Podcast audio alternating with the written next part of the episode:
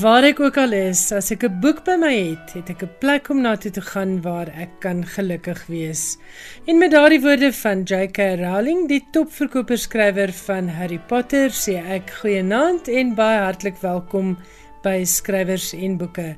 Ek is Elsje Salzveld en jy luister na ons op RSG 100 tot 104 FM. In vanaand se program gesels ek met Phyllis Green. Sy gaan gesels oor 'n paar lekker leesboeke wat sy geniet het. Ek gesels ook met die jeugboekskrywer Cecilia Stein en Johan Meiburg deel nuus oor onder andere die Boekerprys se finaliste. Ek hoop jy geniet die program.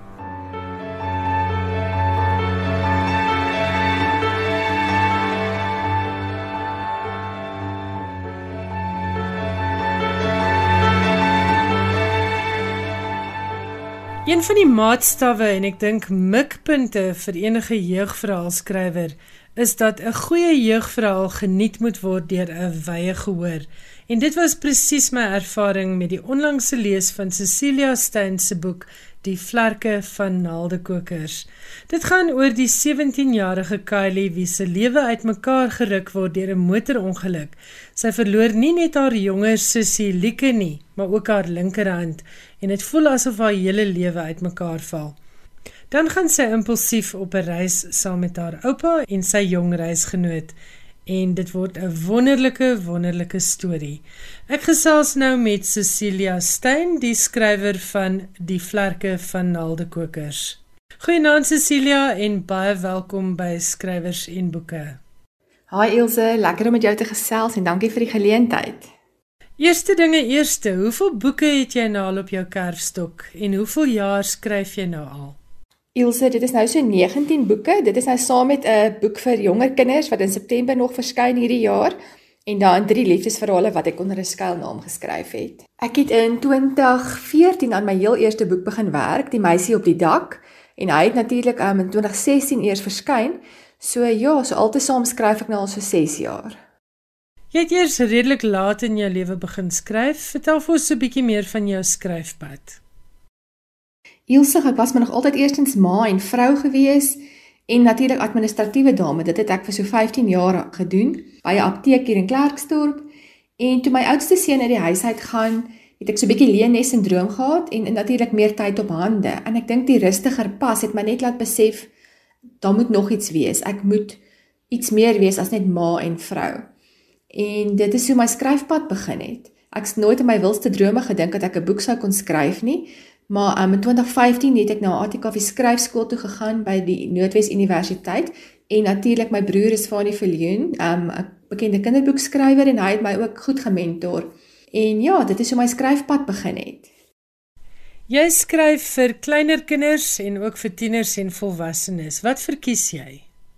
Ag, al die ouderdomme is vir my heerlik om voor te skryf, Maar ek dink op die oomblik geniet ek dit so klein bietjie meer om vir die jonger kinders te skryf want dit is nou nie vir my ook. So dit is my baie lekker. Die vlerke van Naaldekokers is 'n lieflike boek. Ek kan dit beslis aanbeveel vir jong lesers en ek dink vir ma's en pa's is dit 'n lekker boek om te lees om 'n gesprek aan te knoop met jou kind. Maar wat was die prikkel vir hierdie boek? Wou jy spesifiek iets skryf oor verlies of hoe het die vlerke van naaldekokers ontstaan? Ilse nee, weet jy met die skryf van die vlerke van naaldekokers het ek nie net gaan sit en besluit nou gaan ek 'n boek oor verlies skryf nie. Al my vorige boeke het eintlik baie ligte temas en ek het net besluit um, hierdie is Kylie se verhaal en ek wil 'n verhaal vertel oor 'n meisie wat in 'n kwessie van 'n paar maande deur die lewe gebreek word. En met die skryf daarvan het ek ook besef dat verlies hoef nie net dood of gestremdheid te wees nie of traumatiese gebeure te wees nie. Daar is soveel ander verliese wat wat mense raak. En 'n mens sien dit om jou raak elke dag. Ek dink ook veral nou in hierdie tyd. So verlies is 'n baie groot universele tema en 'n mens raak so breë gehoor. Dit is ook hoekom ek dan nou die boek opgedraai het aan almal met krake. So jare of twee voordat ek die verhaal begin skryf het, het my man op 'n ongeluk afgekom En ek onthou nog ontsteld hy was omdat die jong vrou se hand so apart van haar lyf op die teer gelê het. En sy het daai dag ongelukkig op op die toneel gesterf en in 2016 is die gemeenskap van Klerksdorp ook geruk toe 'n skooldogter in 'n motorongeluk op pad skool toe gesterf het. En as ouer raak so iets aan 'n mens en ek het net geweet ek wil graag 'n reisverhaal skryf oor 'n meisie met 'n amputasie wat haar sus ook verloor het. En van daar het sinkronisiteit net oorgeneem en ek het net meer en meer jong mense begin sien met amputasies en dit was vir my net asof want ek het dit eers 'n bietjie afgestel. Ek het net gedink ek sal dalk nie so diep boek kan skryf nie en dit is asof die heelal net vir my geskree het skryf nou net hierdie boek. Vir my was die boodskap wat ek met die vlerke van naaldekokers veroorgedra het is dat daar is altyd altyd hoop en dat 'n mens nooit in die lewe moet opgee nie. Jy moet altyd weer opstaan. Selfs van die simboliek van naaldekokers, was dit nog altyd vir jou spesiaal? Ilse nee, ek het nooit die pragtige simboliek van naaldekokers besef totdat ek aan hierdie boek begin werk het nie. Um, maar toe ek nou eers begin skryf, toe kom ek agter Sjoe, dat die simboliek van naaldekokers werk so mooi saam met Kylie se verhaal, want haar verhaal is ook 'n verhaal van verandering en van aanvaarding en dit is presies wat naaldekokers simboliseer. Is verandering in die lewe en aanvaarding en ook natuurlik 'n um, transformasie en hulle um, ek weet nie of jy weet nie, maar hulle lewe ook net 'n paar maande, so daai lewe in die oomblik en hulle kan ook natuurlik vlieg as hulle 'n vlerk verloor het of 'n vlerk beseer het kan hulle nog steeds met elegansie en grasie bly vlieg. En dit het vir my alles so pragtig by by Kylie se verhaal aangesluit. Dan wil ek sommer hoor van die Lia Liefreeks. Dit is nou vir jonger lesers. Vertel vir ons 'n bietjie meer daaroor. Ilse ag Lia Lief lê my vreeslik na aan die hart. Dit is die verhaal van die 10-jarige Lia Fourie. Haar ma is 'n veearts, haar tannie is 'n veearts, haar pa is 'n diereregte aktivis en 'n joernalis en sy wil natuurlik die wêreld se heel beste veearts word. So ehm um, Lia gaan dan op al hierdie avonture saam met diere en daar is 3 boekies sover in die reeks. Die eerste een is Lia lief seeskilpaaie, avonture by die akwarium. Die tweede een is Lia lief honde, huk huk hoera en die derde een is Lia lief apies, grypdiewe en gevaar. En dan wil ek ook net sê Agilani beeld se illustrasies maak hierdie storie so pragtig en lewendig. En ja, dit is Lia liefse storie. Ek geniet dit verskriklik om daaraan te skryf. Cecilia, wat is die beste skryfraad wat jy al gekry het? En wat is die skryfraad wat jy vir ander skrywers sal gee?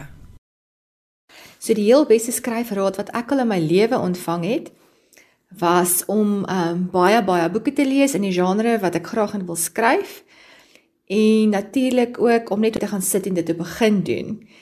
En ek dink die heel beste skryfraad wat ek vir iemand kan gee is om nie te hard op jouself te wees nie.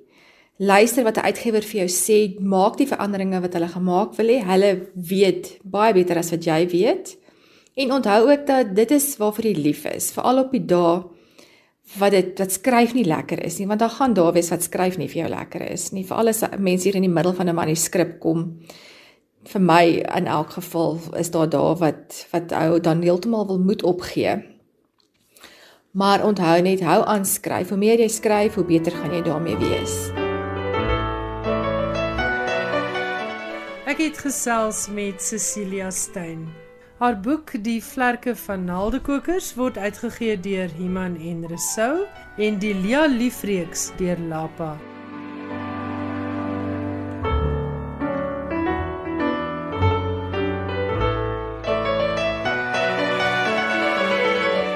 Nou gaan ons eers bietjie hoor wat het Sari se boeke redakteur Phyllis Green onlangs gelees en geniet. Goeienaand Phyllis, hartlik welkom by Skrywers en Boeke. Goeienaand Ilse, baie lekker om weer by jou te kuier. Ja, ehm um, ek moet sê ek het nogal baie uiteenlopende liefdesromans en verhoudingsverhale gelees want dit dit gaan weer vir my oor daai ding van die mens en hoe hy reageer in sekere situasies interesseer my geweldig. So ek wil sommer afskop met Anshin Trotsky se se nuutste verhaal som totaal. Dis 'n baie sterk verhoudingsroman. Dis natuurlik sy's nou na 'n 'n 'n relatiewe lang afwesigheid terug en hierdie boek is 'n wonderlike boek. Enige iemand wat hou van verhoudings en van interessante hoofkarakters moet dit lees. Dis nie 'n ligte boek nie. Die boek het nogal 'n gewigtige tema en dan wanneer hy afskop, dan skop hy ook af met 'n selfdoodpoging van die hoofkarakter Esther. maar sy sterf nie. Ek ek wil dit daarom nou net by sê. So jy die verhaal word deur Esther vertel en dan vertel sy waarom sy selfdood wou pleeg. Nou in 'n neutedop gaan dit daaroor dat toe Esther 'n kind was, het sy 'n suster gehad wat saam met haar op die plaas Dassies poort gewoon het. Nou die suster was Nontando. Ehm um, die vrou wat in hulle kombuis in die huis gewerk het se kind. Nou hulle twee was onafskeidbaar. Die drama in die verhaal kom Esther se groot die eerste groot jeugliefde het haar met Notando verneek. In jaloesie het hy vir Esther gedryf om die grootste verraad ooit te pleeg. So haar verhouding met Notando wat sy as haar suster beskou het, was toe nou tot niet deur Esther se groot jaloesie. Nou Esther dra 'n geheim in haar rond. Ek wil nie vir mense sê wat daai geheim is nie. Maar daai geheim maak dat sy vir die res van haar lewe haar skuld probeer afkoop want sy probeer nou indirek om reg te maak dit wat sy gebreek het. Die vraag wat by jou opkom is dat Nontando se dogter Milagro sal sy vir Esther vergewe vir die groot onreg wat Esther aan haar en haar ma gedoen het as die waarheid oor alles wat gebeur het uitkom. Een van die groot temas wat Anshin in die boek onder die kollig sit is dan nou vergifnis of boetedoening. En dit was regtig nogal ontroerend. Die hoofstukke, sy gee dit ook name, so jy kan daarvan kan jy aflei ook min of meer van die temas wat wat in die boek aangeraak word. So dit gaan oor vergifnis en verraad, vrees en verlies, verandering, vernedering, verdriet, vrede en vreugde. So dit is soms totaal van Anshin Trotsky 'n lieflike boek wat mense maar regtig kan lees. Ek, ek het dit regtig baie geniet ten spyte van die gewigtigheid daarvan. Ja, die boek waaroor Phyllis nou met ons gesels het, was Som totaal deur Anshin Trotsky. Dan is daar 'n boek Draairivier deur Engela Office. Vertel vir ons 'n bietjie daarvan. Nou hierdie is 'n debuutplaasroman wat vir my so lekker was van hierdie boek. Dit is geskryf deur 'n breinskrywer en dit is 'n ander stem. Dit word ook vertel vanuit 'n ander perspektief as die normale plaasromans wat ons ken. Die arbeiderskind Susanna Jansen vertel die verhaal. Dit speel af in 1971, maar dan is daar terugflitsin na 1955. Die Sanna, soos wat sy genoem word, 'n jong meisie was op die plaas Draairivier. Jy leer vir Sanna ken wanneer sy in die tronk is en wanneer sy dan nou uitgelaat word uit die tronk. Sy vertel vir jou dan met die hede wat sy wat sy vir jou vertel, vertel sy vir jou haar verhaal van waar sy nou in haar lewe is en dan met die terugflitsse vertel sy dan terugskouend die gebeure van wat gebeur het van hoe sy dan nou in die tronk beland het. Nou op die plaas waar Sanna saam met haar ouers gewoon het, ehm um, het Bertus van Sail die septer geswaai. Haar broer Sanna se broer en pa het met die skaap gewerk, haar maat en mevrou Rita se groot huis gewerk. Nou Sanna het haar eie werkies gehad wat sy nou elke dag moes gedoen het, maar soms kon sy haar ma gaan help in die groot huis en daar was 'n raaisel wat sy nie kon verstaan het nie. Daar was 'n meisie met geel hare soos wat sy wat ehm um, Engela die karakter beskryf van die meisie Inge wat wat nooit uit haar kamer uitgekom het nie. Niemand in die gesin praat ooit met hierdie kind nie en dan skelmpies skelmpies sluip Sanna dan nou daar by hierdie kamer in en maak vriende met Inge. So dit is regtig so haar medemenslikheid uh, van Sanna se medemenslikheid maak dat sy nie kan kan klein kry hoekom niemand met Inge gesels nie en hoekom almal haar ignoreer min het sy geweet hoe meer sy betrokke raak by hierdie Inge kind hoe hierdie vriendskap op die ou einde haar lewe gaan verander en dat dit gaan maak dat daar groot onreg teenoor haar gepleeg gaan word en dat sy in die tronk gaan beland. Die verhaal gaan dan nou eintlik oor die onreg en wat hierdie impak daarvan is in die lewens van 'n gesin en 'n gemeenskap lesers moet nou maar as hulle lees self kyk of Sanna na 15 jaar in die tronk weer die skerwe van haar lewe sal kan optel en of sy dan ook uiteindelik met haar jeugliefde verenig sal word. Wat vir my so fantasties is van van Engela se skryfstyl is die lieflike beskrywings van die plaasomgewing, maar ook dat jy dit vanuit 'n minder bevoorregte persoon se perspektief sien. Dis regtig 'n ander soortige en 'n unieke stem en dit was vir my baie lekker om dan nou Draai rivier deur Engela Ofies te kon lees. Die lekkerste lekkerste lekkerste lees was Janet Paul se drie lywige boeke wat die Vyver vrou trilogie vorm. Nou dit skop af met Lira se verhaal, dan is die middelste een is Mirre en die derde een is Korali. Ten spyte van die lekker lees en die gemaklike lees van die stories, is daar 'n ernstige tema wat deur al drie van hierdie boeke loop. Janet roer emosionele mishandeling aan in hierdie verhale en hoe hoe ons die onsigbare gevaar van daai emosionele behandeling want dit is nie iets wat jy wat jy wat jy maklik sien nie. Jy weet die karakters word afgebreek as jy vat in Lira se verhaal Lira was ver, was in 'n verhouding met Frank en hy het 'n tienerdogter wat Lira se lewe absoluut hel maak. Maar Frank laat dit toe. En eh, deur daai verloor Lira soort van respek vir haarself as ek dit so kan sê. So sy sy besluit sy kan nie so aangaan nie want Frank kies die heeltyd sy dogter bo haar en dan dan besluit sy om weg te gaan en dit is hoe sy dan nou op die die kusdorp beland waar sy dan nou eerstens bevriend raak met Korali. So Korali, Mirre en Lira se vriendskap dryf hierdie drie verhale dan nou. In die tweede boek, Mirre is in in 'n huwelik met 'n huweliksberader, maar hy rand haar fisiek aan sowel as emosioneel, maar tot op so 'n manier hy hy raak regtig so gewelddadig dat sy uiteindelik dan nou wegvluk van hom Vyverbaai toe en so kom sy dan in aanraking met Lira. Lira, Mirre en Korali het 'n 'n interessante vriendskap en hulle besluit dan om ondersteuning vir mekaar te wees. Nou een van die lekkerste karakters, ek weet nie of jy dit ook so ervaar het nie, Ilse vir my was Boeta. Boeta wat so 'n boerveenbouer is en wat eintlik heimlik verlief is op Mirre, maar hy is in 'n huwelik met 'n geitjie bek van 'n vrou wat nou nie en nog boonop die skinnerbek van die dorp is. Hy is almal se ou boet. Eintlik. Hy is almal se ou hmm. boet. So dit is regtig so 'n lekker leesverhaal en ehm um, ek dit voel net vir my so asof dit so familie gevoel het op die ou einde en dan is daar nog die karakter Marilyn wat bykom wat ek so graag hoop dat daar nog 'n boek gaan kom met die naam van Marilyn. Dit is dink ek die ding van Janette sy kan mense skets.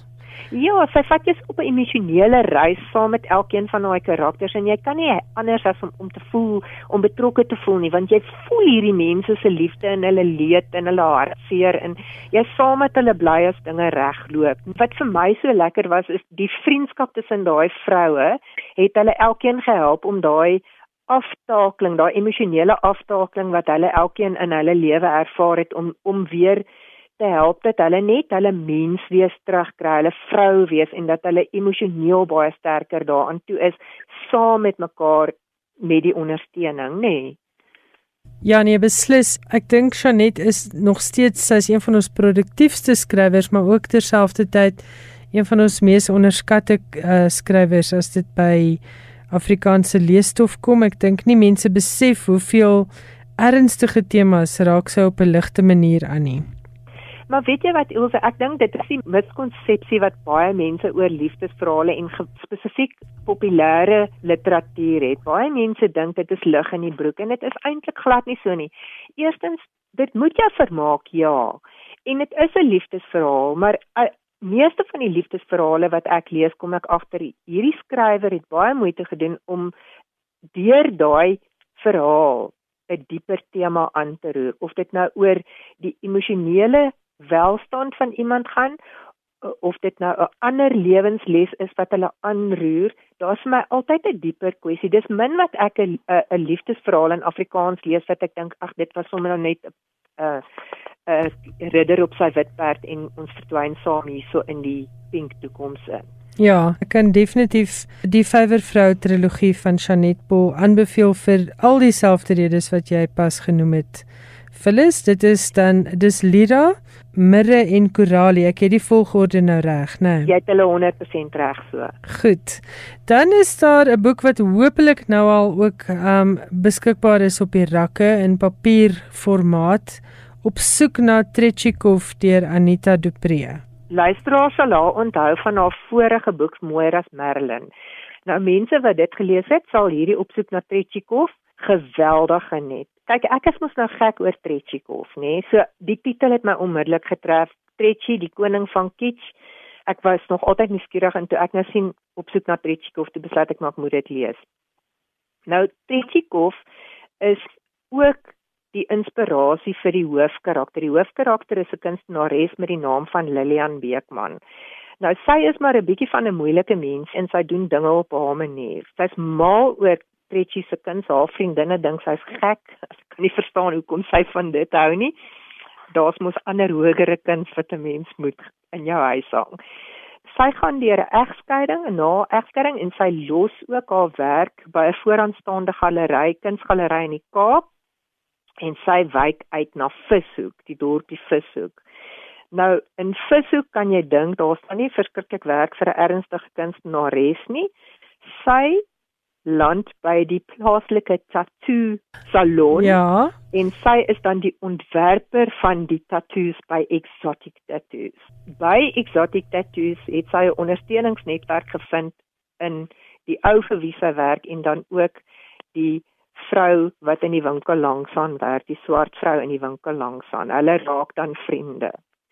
Lillian woon in 'n huis wat sy by die ou oom Heidenrich nadat die nou na die aftreeoord is toe trek sy nou daar in sy huis in. Hulle het bevriend geraak.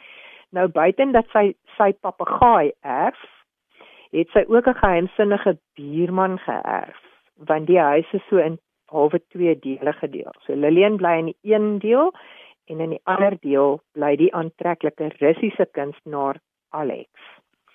Jy weet mos maar uh, in so 'n verhaal gebeur daar baie dinge. Die oom gaan dood, Lillian moet sy as gaan strooi in Rusland want hy het 'n Russiese bruid gehad, so sy Russiese bruid se graf is in Rusland want sy het later na leef teruggegaan Rusland toe. So Lillian moet sin toe gaan. En natuurlik sê haar twee vriendinne maar ons gaan saam. Nou hulle gaan saam en die vonkespad elke keer as as Lillian en haar kind buurman Russiese buurman Alex mekaar raakloop of so maar soos dinge nou uitwerk sy ma en ouma is nou in Rusland en Lillian gaan en die vriendinne gaan nou by hulle bly. Jy kan net dink al die drama en drama wat gebeur. Nou dis 'n baie spesfondige liefdesverhaal en jy weet Lillian is is is 'n kleurryke karakter. Ek het regtig baie keer lekker gelag vir van die dilemmas wat gebeur en dan het ek ook 'n traantjie gepik oor die dieper en hartseer tema wat um, Anita in die verhaal aanroer. Een van die goed wat baie sterk in die verhaal deurkom is om alleen oud te word en dit is in daai verhaallyn van haar en oom Heidenrich.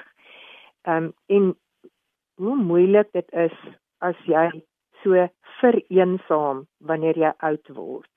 Ja, dit is 'n heerlike verhaal en ten spyte van daai ernstige deel van die verhaal het het dit my so opgebeur om dit te lees. So op soek na Trechikov is is is regtig 'n 'n lieflike lees en dit dit behoort enige een wat dit lees sommer in 'n beter bui te plaas.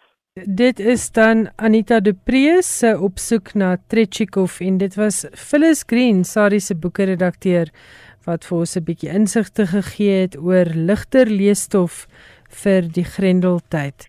Skrywers en boeke. Alles wat jy oor die boekewêreld wil weet en meer.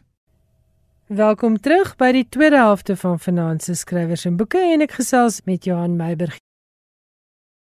Anders as die geval met F. Scott Fitzgerald en William Faulkner, albei tydgenote van Ernest Hemingway, is Hemingway se skryfwerk met die uitsondering van Under Kilimanjaro en A Movable Feast nooit in hersiene uitgawes uitgegee nie.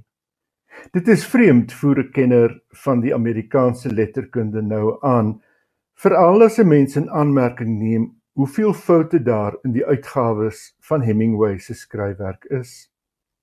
Robert W. Trockton, 'n akademikus wat in 20ste eeuse Amerikaanse letterkunde spesialiseer, het die Hemingway manuskripte in die John F. Kennedy Presidensiële Biblioteek en die museum in Boston onder oog gehad en afgekom op honderde foute in sy romans en kortverhale. Aan The Guardian het Trockton gesê die foute is die werk van redakteurs en lettersetters wat lukraak met Hemingway se handskrif omgegaan het.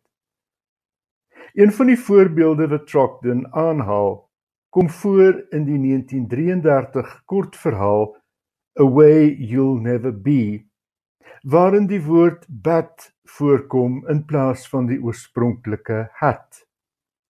Die karakter Nick Adams is besig om vir Italiaanse soldate te verduidelik hoe om sprinkane te vang. Hemingway se sin was But I must insist that you will never gather a sufficient supply of these insects for a day's fishing by pursuing them with your hands or trying to hit them with a hat. 'n Mens kan dalk nog heelwat minder in die hande kry as jy sprinkane met 'n vlermuis moet slaan. So is daar ook name wat verskil. Hemingway verwys na die bulvegter Marcel Lalanda in The Sun Also Rises van 1926 wat in druk verskyn het is Marcel Salanda. In the New Hemingway Studies wat binnekort deur Cambridge University Press uitgegee word, verwys Trockton na die huiwering van die Hemingway nalatenskap en sy uitgewer om 'n kenner of 'n groep redakteurs beheer te gee oor die teksversorging ondanks die talle foute wat uitgewys is. Die uitgewers en trouens die hele boekbedryf het soos die ganse kreatiewe sektor swaar gelei onder die koronavirus pandemie. Boeke en literêre feeste is afgestel of uitgestel. Talle boekwinkels het toegemaak en etlike boekbekendstellings is uitgestel wat die uitgewerskalender ietwat omver gegooi het. Dit aan die een kant Aan die ander kant staan die boekbedryf midde in die stryd om meer verteenwoordiging en blootstelling buite die hoofstroom, soos onder meer beliggaam deur die Black Lives Matter beweging.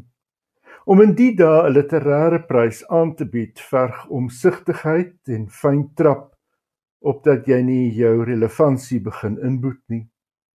Toe Margaret Busby saamroeper van die beoordelaarspaneel van die Boekerprys onlangs die langlys met die 13 boeke die sogenaamde boeke dozen aangekondig het.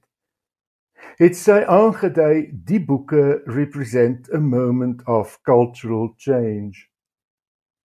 Die Boekerprys wat in 1969 tot stand gekom het se oogmerk is om die uitmuntendste skryfwerk te bevorder deur die beste roman wat in Engels geskryf is en wat in Brittanje gepubliseer is te bekroon. Dit sluit sedert 2014 Amerikaanse skrywers in.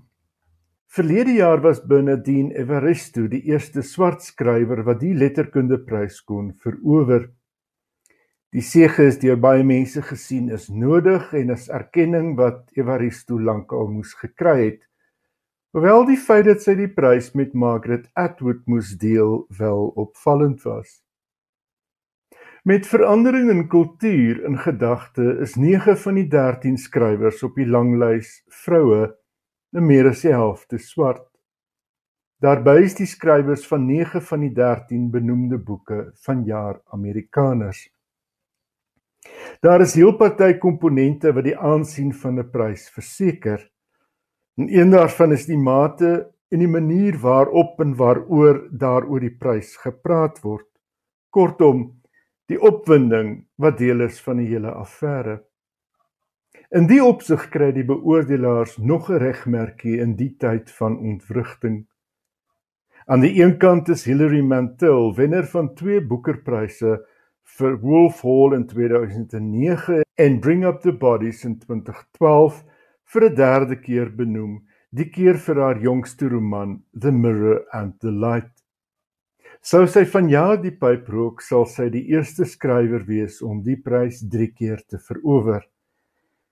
Die ander 3 wat twee seëges elk kon vermag is Margaret Atwood, Peter Carey en J.M. Coetzee. Aan die ander kant is bykans die helfte van die benoemde boeke debuutwerk. En daarbey is 6 van die 13 boeke die werk van weliswaar grootrige dog onafhanklike uitgewers. Hier is die lys van 13 boeke.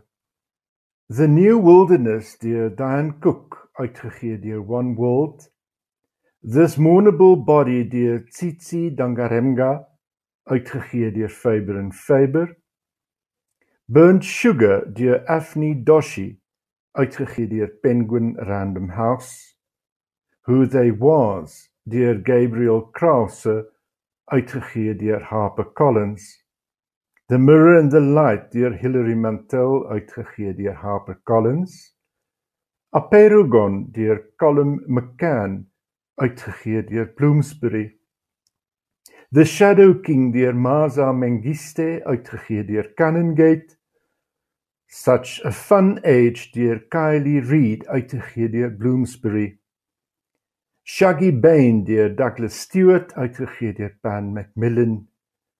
Real Life deur Brandon Taylor uitgegee deur Daunt Books. Redhead by the Side of the Road deur Ann Tyler uitgegee deur Vintage. Love and Other Thought Experiments deur Sophie Ward uitgegee deur Little Brown. En How Much of These Hills is Gold deur C Pam Zhang ook uitgegee deur Little Brown. Die beoordelaarspaneel bestaan uit Margaret Bosby, die spanningsskrywer Lee Child, die digter Lem Sisay, die letterkundige Samir Rahim en die klassikus Emily Wilson. Die kortlys word op 15 September aangekondig en die wenner in November. Sitsi Dangaremba, benoem vir This Mournable Body, is verlede week in hegtenis geneem tydens teenregeringsprotesaksie in Harare. Sy is op borgtog vrygelaat en moet op 18 September in die hof verskyn. Sy word aangekla van aanhitsing tot geweld en oortreding van die koronavirusregulasies. Dangaremba was deel van 'n groep wat betoog het teen korrupsie en die ekonomiese krisis in Zimbabwe. Hier is Tsitsi Dangaremba aan die woord tydens 'n TEDx voordrag gemaak in 2011. My cat is called Minka. And she is my antidote to the desolation that has gripped Zimbabwe this last decade or so. I felt I was getting depressed as the situation worsened. My friends left the country I joined a gym, but then I didn't have the money to train. I joined a church, and the pastor died.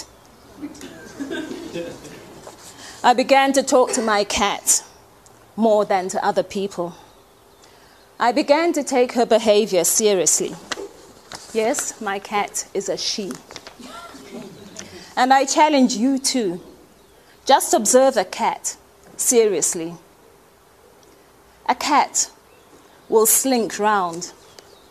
When it wants something, it meows. At least, it meows if it is well trained. If it is not well trained, it simply takes what it wants. But even then, whether it is properly domesticated or not, a cat never takes everything. No matter how much is there, no matter how much is available to be taken, a cat only takes enough. So, this is answer number one from my cat. No matter how much there is, only take enough for your needs. Oh, yes, I hear you all say, we all know that. And I agree, we do all know that. But do we do it? We on this continent have been calling each other greedy for decades. Our greedy leaders, we say. Our greedy managers and executives. Our greedy small businessmen. Our greedy corporate sector. Our greedy mothers. Our greedy women. Our greedy brothers. Our greedy fathers we go on and on. We've even done more than go on and on.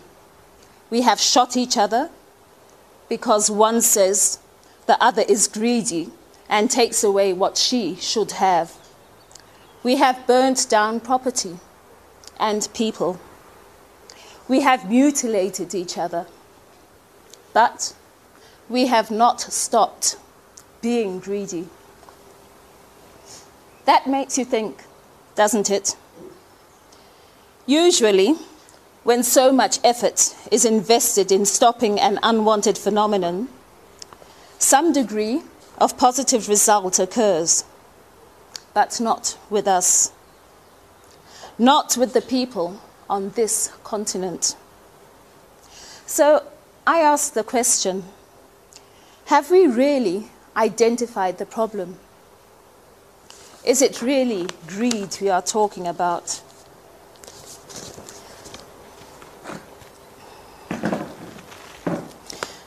Dambudzo, the fa- Marechera, the famous Zimbabwean writer, once said, It's impossible to eat enough if you do not know where your next meal is coming from. What I am saying is that the characteristic we call greed is a much more serious condition than what we have taken it for. I am saying that we on this continent have called greed for so long is a much graver existential crisis than just greed. This crisis is so grave that if we do not take care now, it could be terminal for the next era in terms of our global viability. And I believe this next era truly is within our grasp if we do take care. Some call this excessive behavior that is so marked in us continentals consumerism. This comes as no surprise the market, which we now take as a natural phenomenon, would call it that.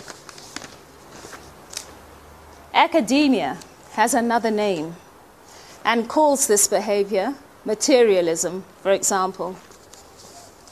I do not call this behavior by any of these three names. I developed another concept by considering more deeply the matter of my satisfied cat. To be satisfied and to behave in a satisfied manner means my cat knows when she has had enough. In addition, I note two important aspects to the ability to identify satisfaction. First of all, the cat knows what it requires. Secondly, the cat knows when that requirement has been met. The cat is able to detect, perceive, and process the meeting of its requirements. Can we? Do we know what we require? And do we know when these requirements have been met? I think we do not. Therefore, I want to share with you today the notion that what has been called greed or consumerism or materialism is not any of these. It is a serious existential neurosis. We continentals do not know what we require. Therefore, we cannot know when we have that which we require. We think we need a cell phone to communicate. But even though we are communicating perfectly well with one cell phone, we feel we need half a dozen of them. So it is with cars, women, blonde women, houses, and rooms in them, power, you name it. We cannot have enough because we do not know what enough is.